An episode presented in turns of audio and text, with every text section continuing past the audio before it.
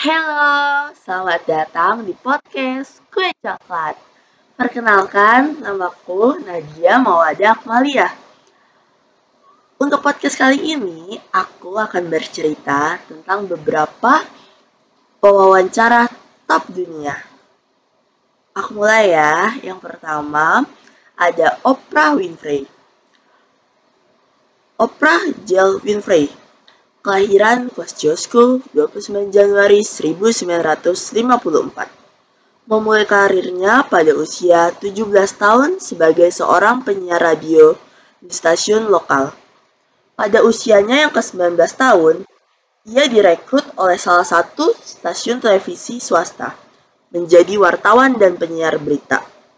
Awal mula Oprah berkecimpung di dunia pertelevisian pada tahun 1976 Oprah menjadi pembawa acara televisi di Baltimore dan mulai dipromosikan menjadi pendamping pembawa acara talk show yang berjudul People Are Talking. Setelah itu, tahun 1984, Oprah menjadi pembawa acara tunggal di program acara IM Chicago. Setelah itu, nama Oprah Winfrey melejit untuk pertama kalinya dan juga menjadi bintang di 120 kota besar di seluruh Amerika dalam waktu sekejap.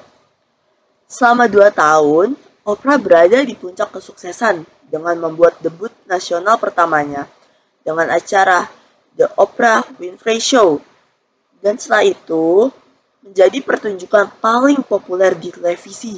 Bahkan, acara tersebut mampu bertahan selama 25 tahun serta ditayangkan lebih dari 100 negara.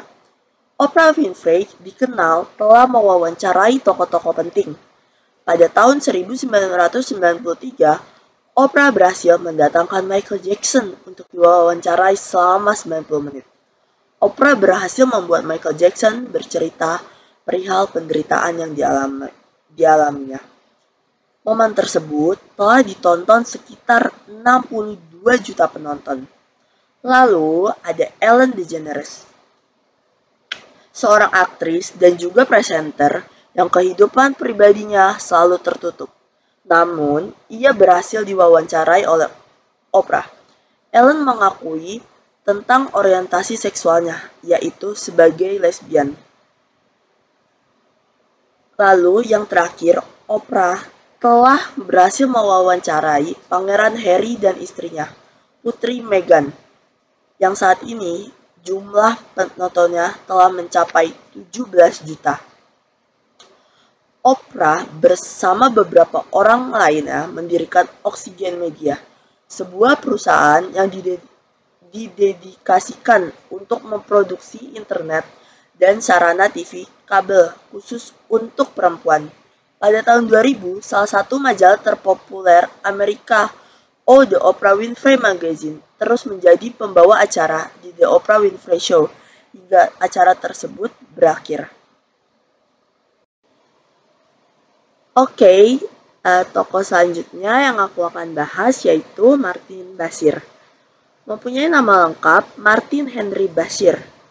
Kelahiran Wasworth, London, Inggris pada tanggal 19 Januari 1963 Beliau adalah jurnalis dan pembawa berita Inggris.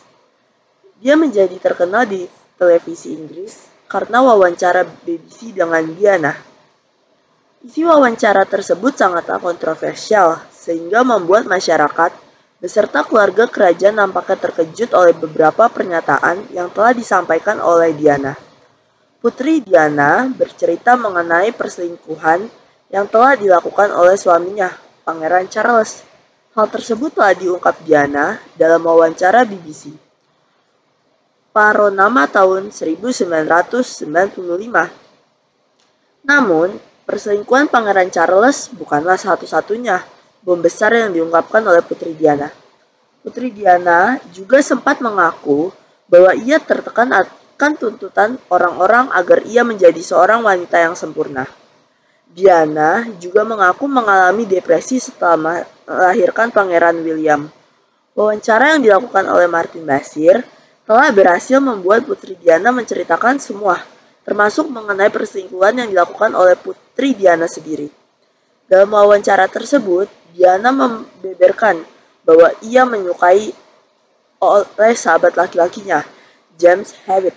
Tentu saja, hal tersebut membuat masyarakat terkejut dan menjadi hal yang paling diingat. Putri Diana mengungkap bahwa alasan perceraian dirinya dengan Pangeran Charles adalah karena hadirnya orang ketiga dalam hubungan pernikahan mereka. Setelah 25 tahun berlalu, wawancara kontroversial tersebut kembali mencuri perhatian publik. Pasalnya, diduga jurnalis BBC Martin Bashir telah melakukan perbuatan tidak jujur agar Putri Diana bersedia diwawancari pada saat itu. Saudara laki-laki Putri Diana, Charles Spencer, telah mengajukan agar dilakukan penyelidikan terhadap kasus tersebut. Hal ini juga telah disetujui oleh kedua anak Putri Diana, yaitu Pangeran William dan Pangeran Henry.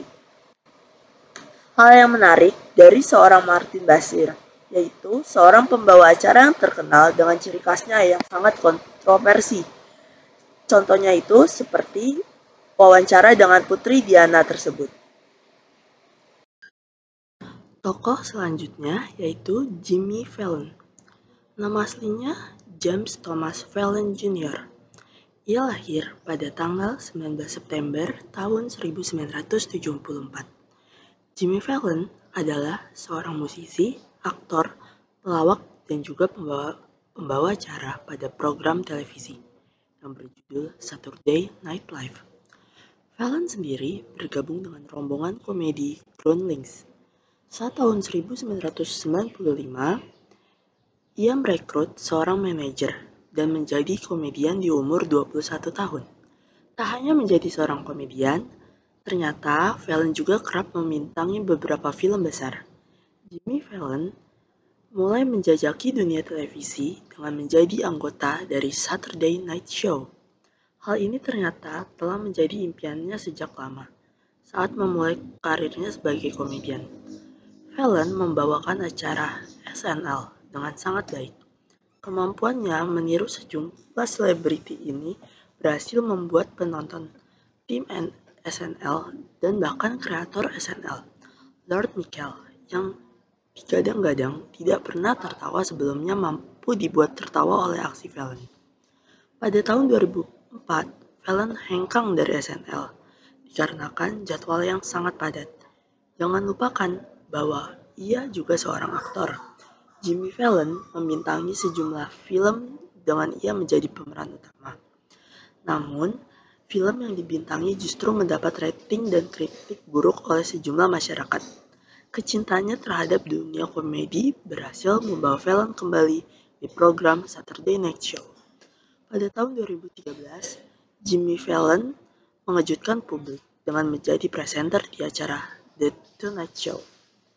Dalam acara tersebut disambut hangat oleh para penonton, sehingga The Tonight Show berhasil mengantongi 11,3 juta viewers.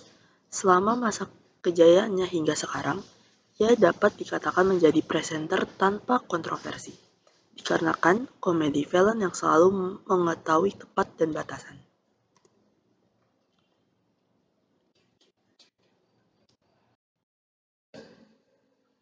Oke, tokoh selanjutnya yang akan aku bahas yaitu Barbara Walters.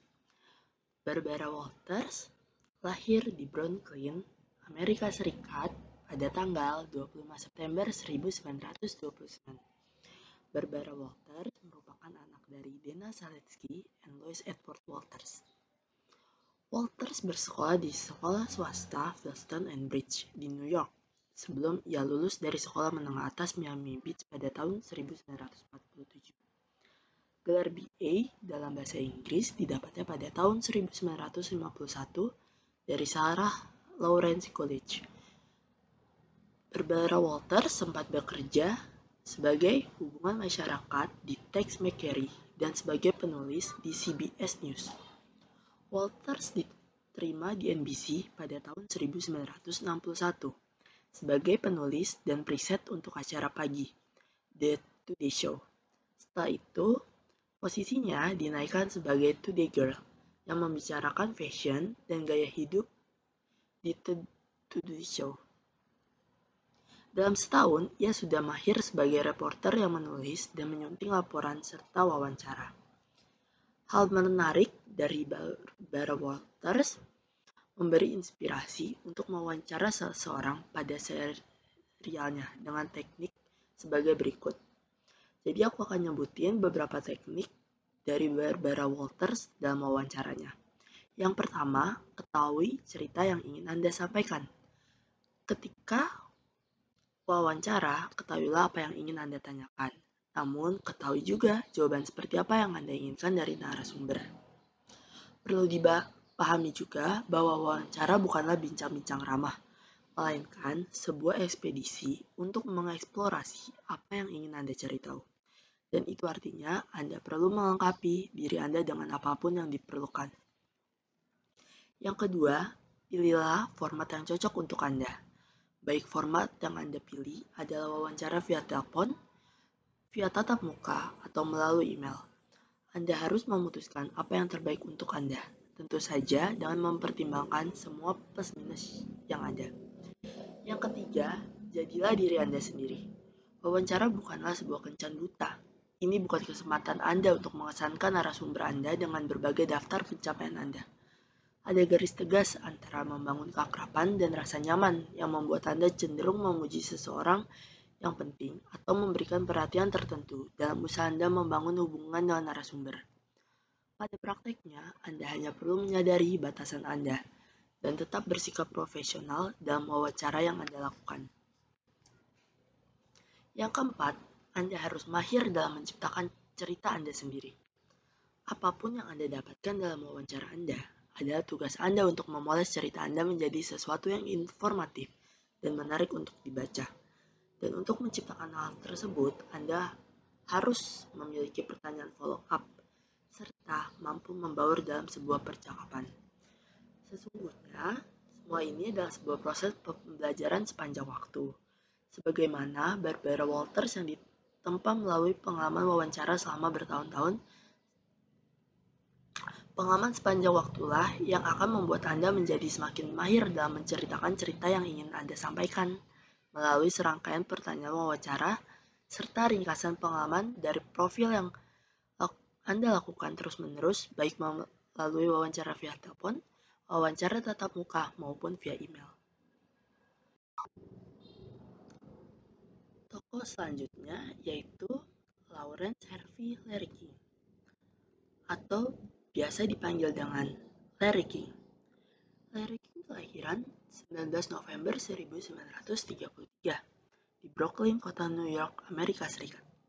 Pada tanggal 23 Januari 2021, Larry King meninggal dunia di Cedar Sinai, Los Angeles, California, Amerika.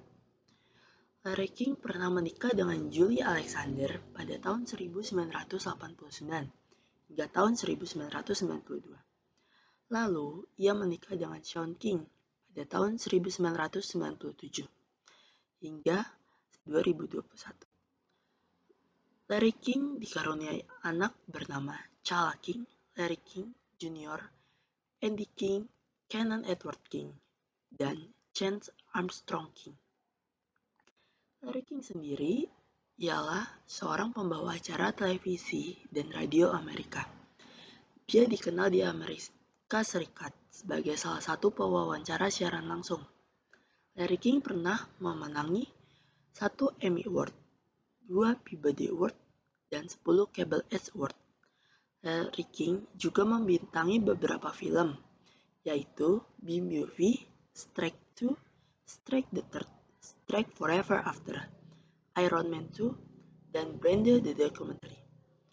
Hal yang menarik dari seorang Lauren Harvey Larry King ini yaitu seorang pembawa acara yang terkenal dengan cara mewawancarai bintang tamunya dengan cara yang sangat efektif dan simpel yang menjadi ciri khasnya yang tidak bisa ditiru oleh pembawa acara lainnya. Dan ini uh, tokoh yang terakhir yaitu David Letterman. Mempunyai nama lengkap David Michael Letterman lahir di Indianapolis, Indiana pada tanggal 12 April 1947.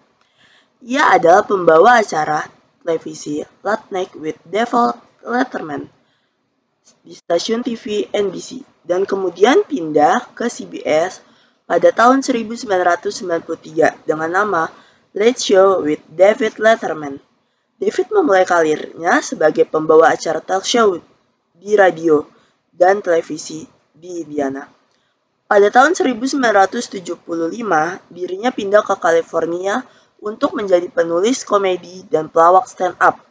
Ia kemudian diberi acara oleh NBC berjudul The David Letterman Show. Acara ini kemudian dihentikan penayangannya pada tahun 1980 dan kemudian ia dipindahkan ke malam hari dengan Late Night with David Letterman pada tahun 1982. Dari ribuan episode dan banyaknya talk show sejenis, ber berapa alasan Letterman layak dijuluki pembawa acara televisi paling mengesankan. Yang pertama, dalam acara talk show itu berisi komedi. Dave membuang segala barang dari atas gedung. Ia mengenakan pakaian yang terbuat dari velcro dan Alka-Seltzer dan terkadang banyak tindakan ataupun hal konyol yang ia lakukan demi membuat penonton tertawa, meskipun kadang terasa tidak pantas. Yang kedua, kesempatan bagi artis papan bawah. Setiap acaranya, David pasti memiliki tamu yang unik. Seperti Harvey Pekar, Brother Theodore, Joaquin Phoenix. Mereka bukan artis yang memiliki bayaran mahal, Sebagaimana diketahui, acara bincang-bincang yang ditayangkan tengah malam ini tidak hanya berisi bintang papan atas Hollywood. Letterman kadang mencampur berbagai jenis bintang tamu. Yang ketiga, membiarkan para selebriti menjadi dirinya sendiri. Acara bincang-bincang yang ditayangkan tengah malam ini menjadi semakin menarik ketika David dengan cerdik membuat para narasumber menjadi dirinya sendiri tanpa harus khawatir citra mereka rusak. Seperti ketika Drew Barrymore dengan lincah dan menggoda menari di atas meja di atap di hadapan Letterman kemudian menciumnya dengan penuh manja. Oke, terima kasih telah mendengarkan podcast aku tentang beberapa wawancara top dunia. Sampai ketemu di podcast Kue Coklat selanjutnya. See you!